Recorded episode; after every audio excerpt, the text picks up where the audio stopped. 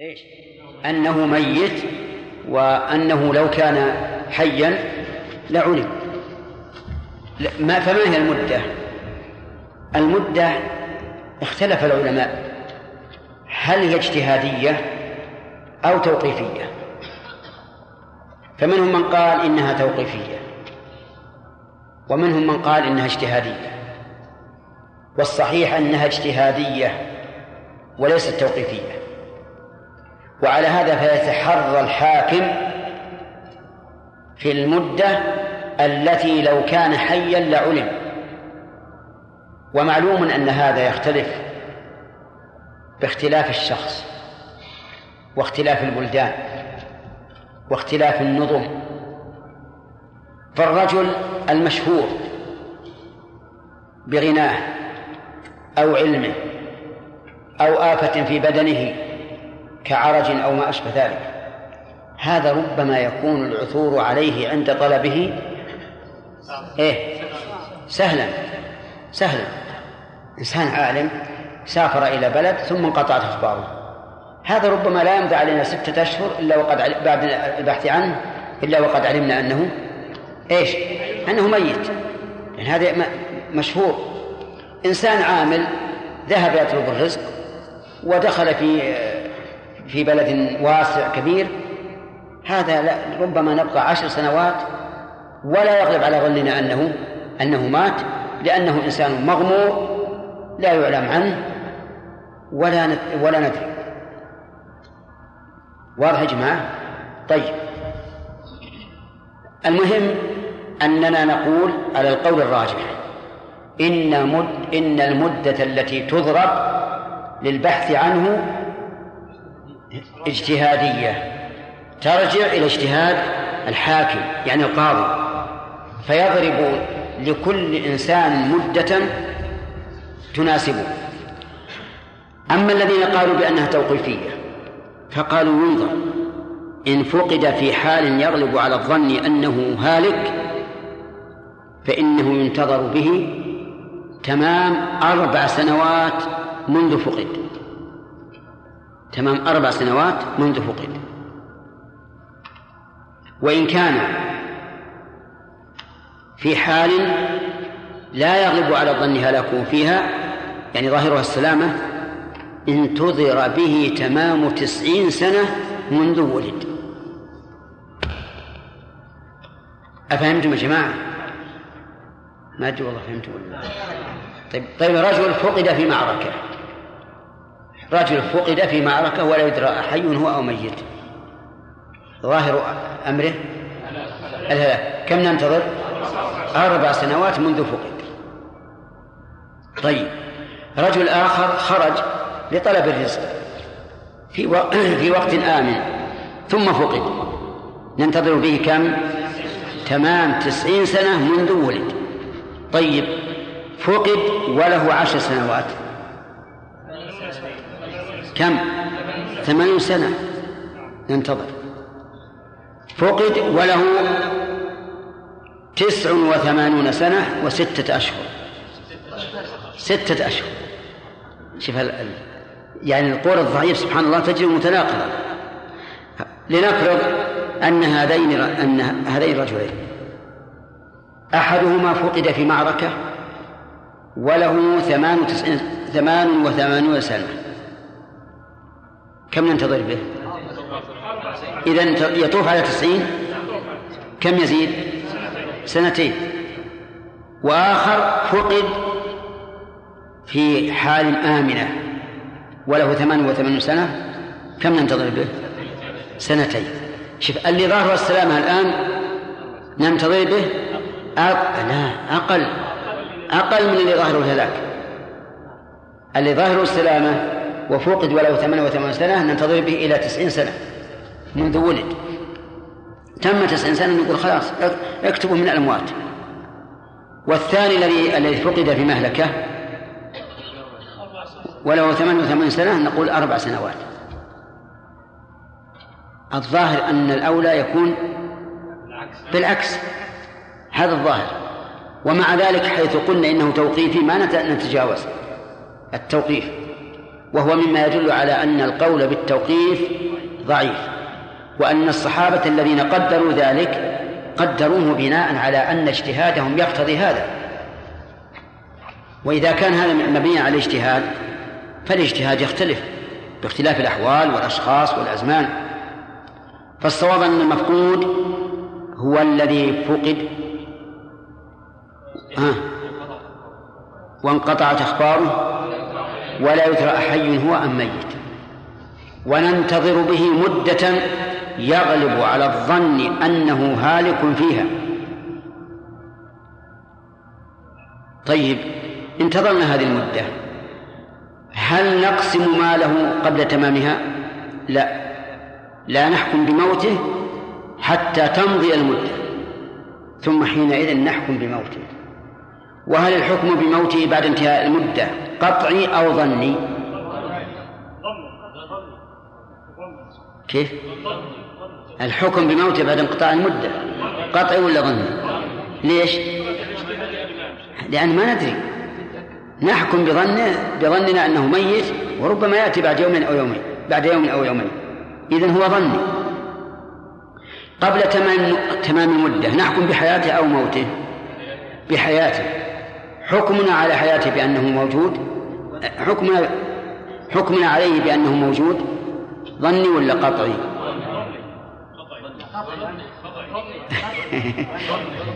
يجي واحد ثالث يقول يحتمل هذا وهذا. لا ظني يا أخوان ظني. لأنه قد يكون مات. قد يكون مات قبل أن يمضي عليه الشهر. أليس كذلك؟ طيب. إذا الحكم على بقائه قبل تمام المدة من باب الحكم بالأصل.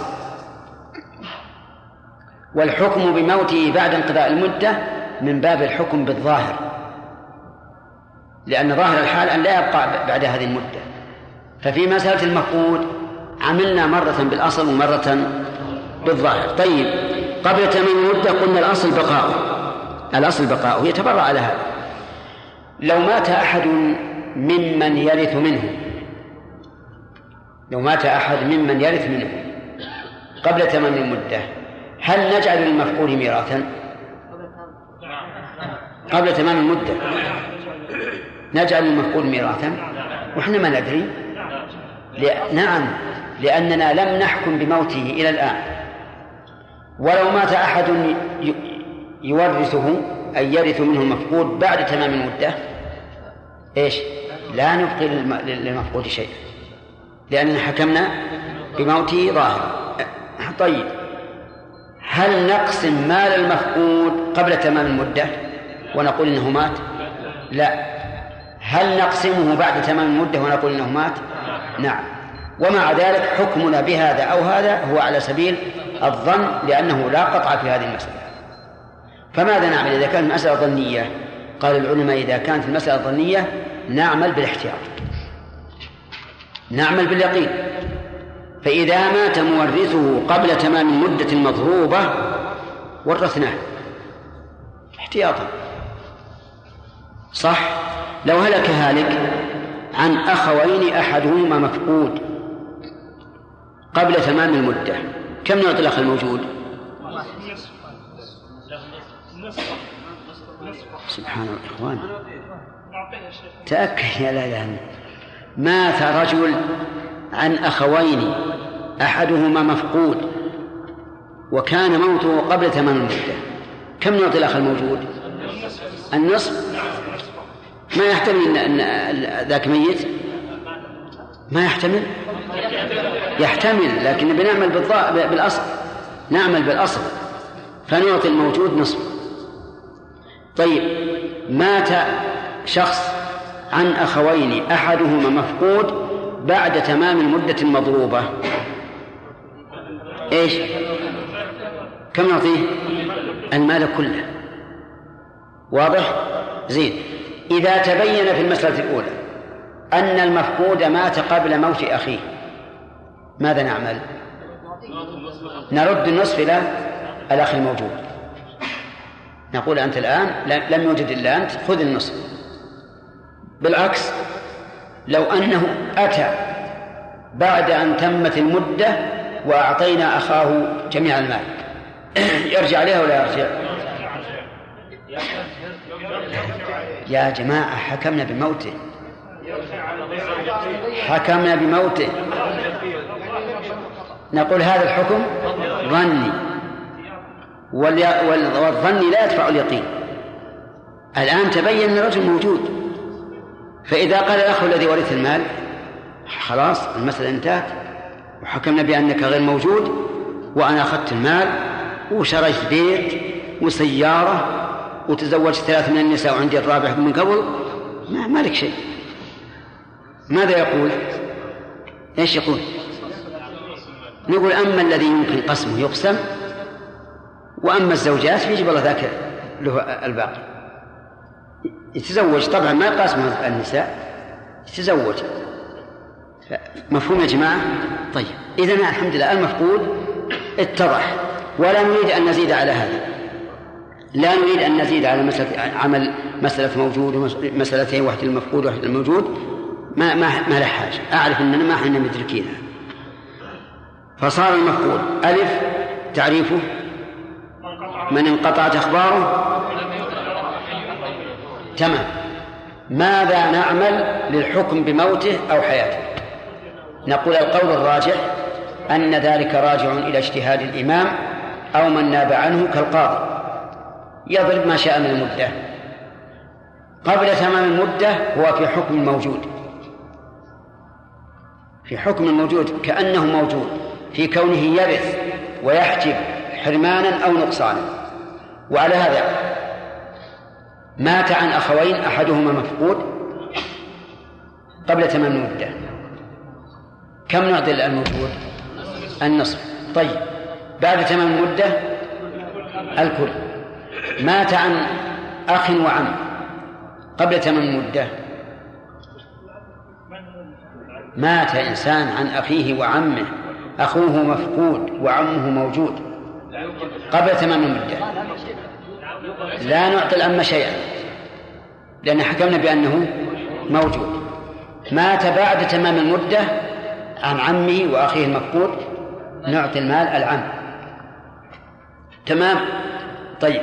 تبين في المسألة الأولى أن الأخ مات قبل أخيه. من من لميراث الأخ؟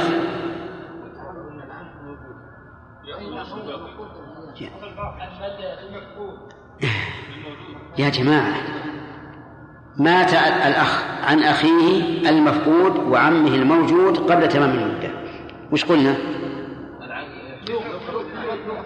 مات إنسان عن أخيه المفقود وعمه الموجود قبل تمام المدة. ليس للعم شيء. كذا ولا لا؟ طيب.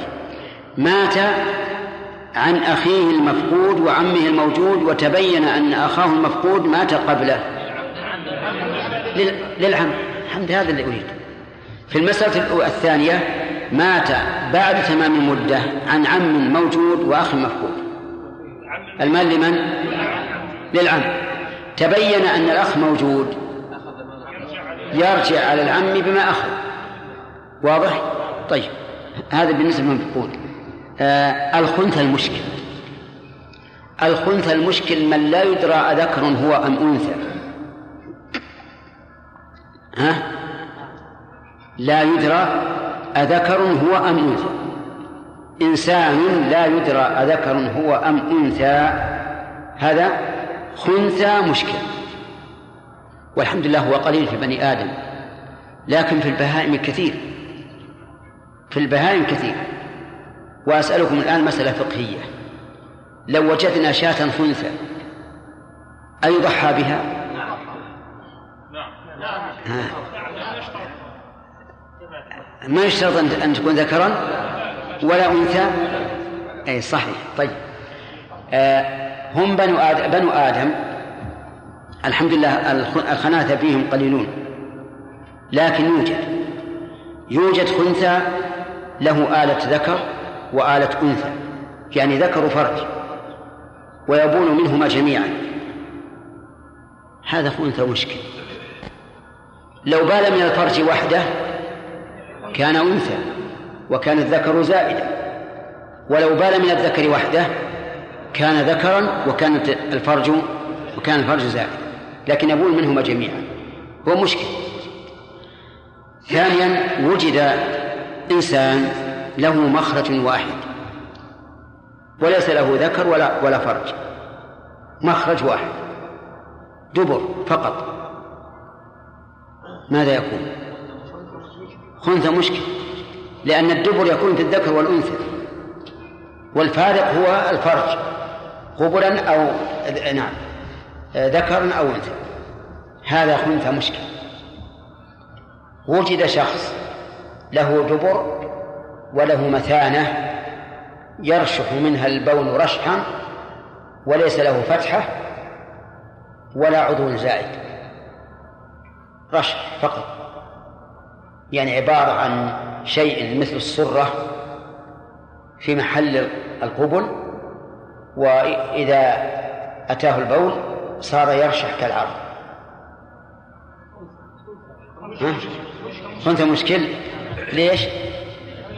ما له آلة ذكر ولا أنثى. ما ندري.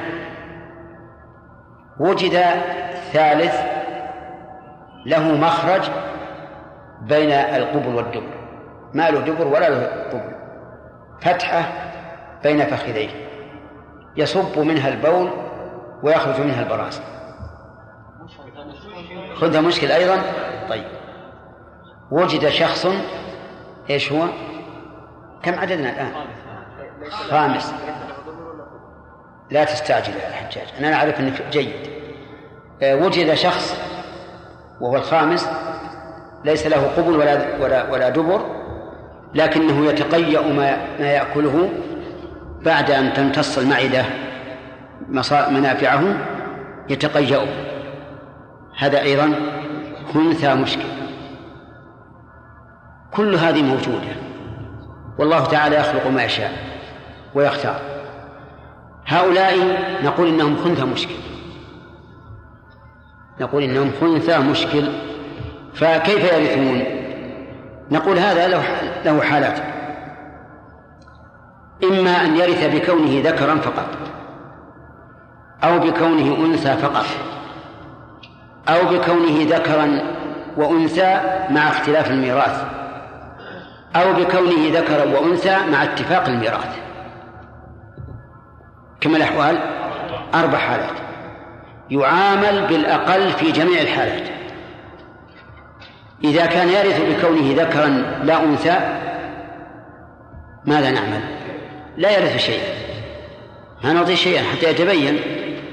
إذا كان يرث بكونه أنثى لا ذكرا إيش؟ لا نعطيه شيئا. لكن نعامل الورثة. إذا كان يرث بكونه ذكرا لا أنثى وفي وفي الورثة من يحجبه لو كان ذكرا. ها؟ لا نعطي الوارث شيئا لا نعطي هذا الوارث الذي يحتمل أن يحجبه الخنثى لا نعطيه شيئا حتى يتبين الأمر. إذا كان يرث بكونه أنثى وفي الورثة من لا يرث لو كان هذا أنثى نقول أيضا لا نعطيه. طيب. إذا كان يرث بكونه ذكرا وأنثى بدون اختلاف إيش؟ نعطيه. نعطيه حقه كاملا كأخ من أم. أخ من أم خنثى نعطيه كاملا وكجدة. لاحظوا أن الخنثى المشكل لا يكون أبا ولا أما ولا زوجا. إذا قلنا وكجدة فالمثال غير صحيح. واضح؟ إذا كان عاصبا كأخت شقيقة خنثى مع بنت هذه لا يختلف إرثها بكونها ذكرا أو أنثى لأن الأخت الشقيقة مع البنت كالأخ الشقيق تماما. هذا نعطيه ميراثه ولا إشكال.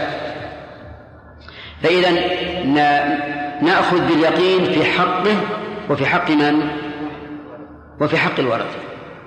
واليقين هو الذي يرث به على كل حال سواء كان منه أو من الورثة. بقينا بالحمل الحمل أيضا. ها؟ إيش الرابع؟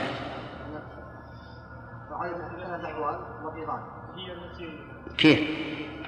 يرث بكونه ذكرا أو بكونه أنثى أو بكونه ذكرا وأنثى بدون اختلاف أو بكونه ذكر وأنثى مع الاختلاف كذلك نعمل باليقين بالأقل نعطيه الأقل ونحجب من كان يرث أو لا يرث مع وجود هذا الخنث بقي بالحمل وهو أكثره وقوعا. الحمل أيضا آه، يرث ويعامل باليقين لكن لا يرث إلا بشرطين. الشرط الأول أن نتحقق وجود وجوده حين موت مورثه. الشرط الأول أن نتحقق وجوده حين موت مورثه. والشرط الثاني شرط لاحق وهو أن يستهل صارخا. أن يستهل صارخا. فمتى نتحقق وجوده حين موت مورثه؟ أن تلده لأقل من ستة أشهر بعد موته. فهنا نقول يقين أنه موجود. كذا. ها؟ واضح؟ إذا مات إنسان عن حمل يرثه ثم ورث الحمل بعد موته بخمسة أشهر وعاش. نعلم علم اليقين أنه موجود حين موت مورثه حتى لو كانت الأنثى تجامع يعني مزوجة وتجامع.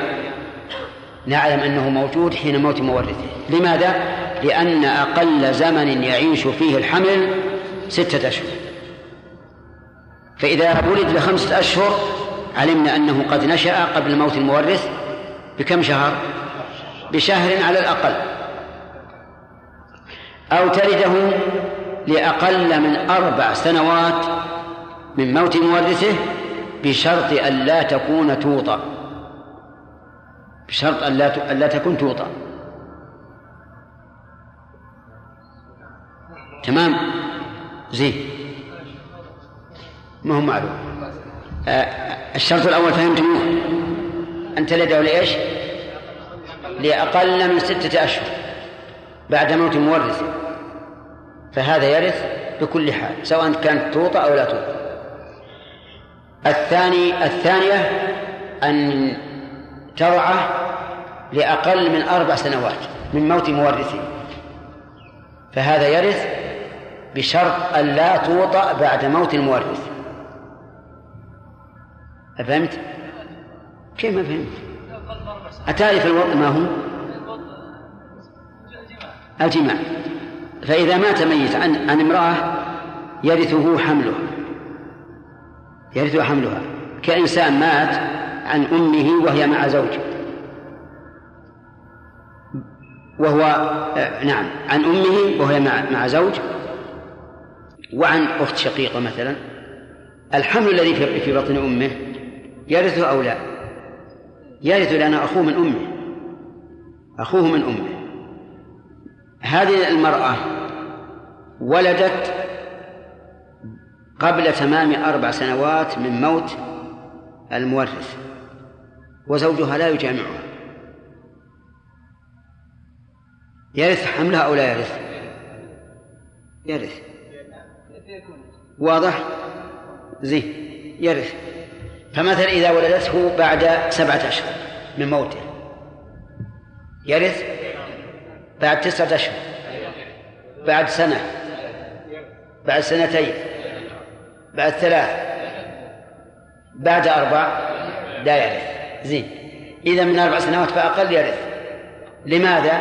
لأن أكثر مدة الحمل أربع سنوات. فإذا كانت لا توطأ ولدت لأقل من أربع سنوات. علمنا أن هذا الحمل كان موجودا حين موت المورث لأن المرأة ما جومعت فلا بد أن هذا الحمل كان موجودا قبل موت المورث. بعد أربع سنوات لا ترث. لماذا؟ لأن أكثر مدة الحمل أربع سنوات. فلا يمكن أن تأتي بحمل بعد أربع سنوات.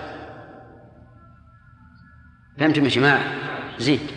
هذا ما قدره الفقهاء رحمهم الله. قالوا أكثر مدة الحمل أربع سنوات.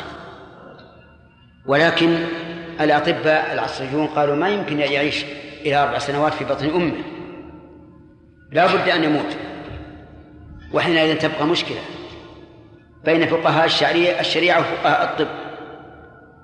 لأن فقهاء الطب يقول ما يمكن يعيش فإذا ولدت لأكثر من أربع سنوات وعاش علمنا أن الحمل هذا ما له إلا تسع تسعة أشهر أو نحوها. ولو قالت أنها لا تجامع قلنا تكذبين ما يمكن يعيش أربع سنوات حيا في بطنها. إذا بقي أربع سنوات يحتاج أربع سنوات يحتاج إلى إيش؟ إلى طعام وشراب وبراز. وهو في بطن أمه ما عنده شيء. يقول هذا ما يمكن. لكن الفقهاء يقولون يمكن. يبقى أربع سنوات. بل بعض الفقهاء يقول يمكن يبقى خمس سنوات ست سنوات سبع سنوات وأن من الحمل من طلع وله أسنان. بس ما وجد عنده شيء يأكل. على كل حال هل نعتبر كلام الأطباء العصريين أو كلام الفقهاء؟ طبعا كلام الفقهاء. كلام الفقهاء. إلا إذا اطلع على الحمل أنه مات في البطن يعني بأن سلطنا عليه أجهزة وتبين أنه ميت هذا شيء آخر. لكن ما دام الأمر ما وقع فالمعتبر كلام علماء الشريعة. لا علماء الطب. ما لم نتيقن بواسطة الوسائل الحديثة أنه ميت. فهمتم الآن؟ كيف نعامل هذا الحمل؟ نعامل باليقين. إن كان هذا الحمل يرث لو كان ذكرا لا أنثى. ها؟ يحتمل أنه أنثى. نوقف له أنثى. طيب يرث بالذكورة أكثر من الأنوثة. نوقف ميراث ذكر. يرث بالأنوثة أكثر. نورث نوقف ميراث أنثى. طيب لكن هل نوقف ميراث واحد أو متعدد؟ نعم. من المعلوم أن الواحد هو أكثر شيء. والاثنين؟ كثير. كثير لكنه بالنسبة للواحد قليل إلا أنه ليس نادرا. قالوا فلما لم يكن نادرا يجب أن نعمل بلحظة نوقف له نصيب ذكرين. إذا كان هذا أحظ. أو نصيب أنثيين إذا كان هذا أحظ. طيب لماذا لا نوقف ثلاثة؟ لأنه نادر. لماذا لا نوقف ثمانية؟ ولهذا الآن الصحف البريطانية في معركة الآن. فيه امرأة آه، بريطانية حملت بثمانية. والآن في مشكلة. من الناحية الاقتصادية والناحية الاجتماعية يقولون لو أبقينا هؤلاء الثمانية صاروا عالة على الحكومة. وصار يعني ضجة حول الشعب البريطاني. هم يحاولون الآن أنهم يخصلونهم يقطعونهم ينزلون بعضهم. فهذا نادر جدا. والسبب أن يقول هذه المرأة كانت نسأل الله العافية لها خليل. ولعلها أشفقت على هذا الخليل أن يموت أو تنقلب الصداقة عداوة وتريد النسل منه فكانت تتناول حبوب مخصبة. فأراد الله عز وجل هذا الإخصاب وافق أرض روضة فصار ثمانية وهم الآن في مشكلة. وسمعت خبرا غير مؤكد أنه في الصين يمكن أن تلد الواحدة ثمانية بسهولة. ولا أدري على هذا صحيح. سمعتم شأن هذا؟ ها؟ ستة. لا إذا كان عندكم ستة وأنتم في إفريقيا ذولاك يمكن عندهم عشرة. نعم؟ أي نعم. على كل حال الفقهاء يقولون نحن نعمل الغالب. عندنا أغلب وغالب ونادر الأغلب ما هو واحد. والغالب اثنان والنادر ثلاثة فأكثر. ما نأخذ بالنادر ولا بالأغلب نأخذ بالوسط. نوقف الأكثر من إرث ذكرين أو أنثيين. الأكثر من إرث ذكرين أو أنثيين. فإذا مات مثلا إنسان عن ثلاثة أبناء وزوجة وأمه حامل. الزوجة حامل الآن. كم قلنا ثلاثة أبناء؟ و و وزوجة؟ لا زوجة فقط. وزوجة حامل وبنت. وبنت. يعني أعدل عن المثال الأول. ابن مات عن ابنين. وبنت. وزوجة حامل. اضبطوها الآن. الزوجة كم له؟ ثمن. على كل حال حتى لو كان الحمل ميتا. نعم لأن موجود عندنا ابنان وبنت لها الثمن يبقى سبعة السبعة إذا قدرنا أن الحمل واحد. ذكر. تكون السبعة للأولاد للذكر مثل حظ الأنثيين. كذا أربعة للموجودين واثنان للحمل. وواحد للبنت. الجميع سبعة. صح؟ هل نوقف للحمل إرث ذكر واحد أو إرث أنثى واحدة؟ أو إرث ذكر وأنثى أو إرث ذكرين. ها؟ الرابع. الرابع. إرث ذكرين. وعلى هذا فنقدر أن الميت مات عن زوجة وأربعة أبناء وبنت. زوجة وأربعة أبناء وبنت. للزوجة المسألة من ثمانية للزوجة الثمن واحد والباقي سبعة والأبناء أربعة والبنت واحدة رؤوسهم تسعة. سبعة على تسعة لا ينقسم ويباين فنضرب تسعة في ثمانية. تبلغ اثنين وسبعين ومنه تصح. نعطي الزوجة ثلاثة مضروبة في تسعة. كم؟ سبع وعشرين. والأبناء لهم سبعة في تسعة ثلاثة وستين. آه نعطي آه كل ذكر سهمين والأنثى سهم ونوقف أربعة أسهم. لمن؟ للحمل.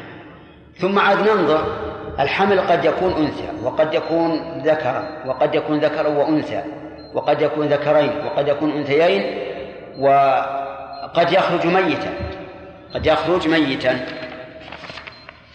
ولكل حال حكم.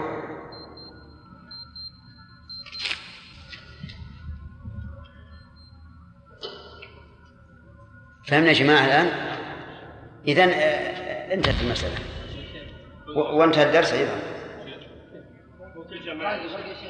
نعم. إيش؟ آه مسألة الغرق والهدمة عجيب. طيب ما ما ما يقول باب ميراث الغرقى ونحوه. لكن شوفوا يا جماعة أنتم أنتم فاهمين ميراث الثلاثة ذولا؟ فاهمين إن شاء الله؟ طيب. قال باب ميراث الغرقى ونحوهم وإن يمت جماع جمع بشيء كالغرق ولم يكن يعلم عين من سبق فلا تورث بعضهم من بعض وفي التراث لسواهم فقط. هذه مسألة اختلف فيها العلماء. إذا مات قوم بحادث عام كغرق وحريق وما أشبه ذلك. مثلا هؤلاء قوم نزلوا في في بطن الوادي فجاء السيل فاجترفهم. وهلكوا ولا ولا ندري أيهم أول. أو ركبوا في سفينة فغرقوا ولم ندري أيهم مات أولا أو أصيبوا بحادث مروري فماتوا ولا ولا نعلم أيهم الأول. فهل نورثهم أو نورث بعضهم من بعض أو, أو, أو لا؟ هذه المسألة فيها خلاف. وإذا رجعنا إلى شروط الإرث وجدنا أن القول الراجح أنه لا توارث بينهم.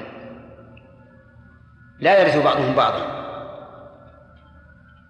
نعم. إذا من يرثهم؟ يرثهم الورثة الآخرون. فإذا ركب خمسة إخوة في سفينة وغرقوا ولا ندري أيهم الأول. فكيف نعمل نقول ميراث هؤلاء الأخوة للآخرين للأعمام مثلا. ليس لهم. واضح؟ ها؟ الله إني ما أعرف. خمسة إخوة ماتوا في سفينة غرقوا ولا يدرأيهم الأول. ولهم أعمام. نقول ميراث هؤلاء الأخوة لأعمامهم. وانتهى الموضوع. واضح؟ هذا هو القول الراجح. لماذا؟ لأن من شرط الميراث إيش؟ أن نعلم بحياة الوارث بعد موت المورث. وهنا لم نعلم. ماتوا جميعا ما ندري عنهم. فيه احتمال أنهم ماتوا جميعا. وفيه احتمال أنهم ماتوا واحدا بعد واحد. لكن لم نعلم. تمام؟ طيب. فإن وجدنا واحدا منهم حيا من هؤلاء الخمسة ولهم أعمام. من يرث؟ هذا الواحد لأنه أخ ولا إرث للأعمام مع الأخ. وأما إذا لم نعلم قلنا خلاص ما كأن أحدا مات عن أخيه. القول الثاني أنك تقدر كل واحد مات عن أخيه. مات رقم واحد عن أربعة إخوة. عطهم عطهم ميراث. مات رقم اثنين عن أربعة إخوة. عطهم ميراثه. لكن غير غير الذي ورث من أخيه. لأن لو ورثناه الذي ورث من أخيه صار هناك دور بتلنا ندور ما زينا شيء. لكن نعطي ميراث هذا مال هذا لذاك. وهكذا إذا قدرنا أنهم ماتوا واحدا بعد واحد. وهذا القول مع ضعفه فيه مشقة وفي حرمان قد يكون أحد الأخوة يملك عشرة ريالات والثاني عشرة ملايين. ما يصير هذا. لذلك كان القول الراجح ما مشى عليه المؤلف وهو مذهب الشافعي ولهذا قال فلا تورث بعضهم من بعض وبالتراث لسوا وبالتراث لسواهم فقط. يعني احكم بالميراث لمن؟ سوى هؤلاء الغرقى.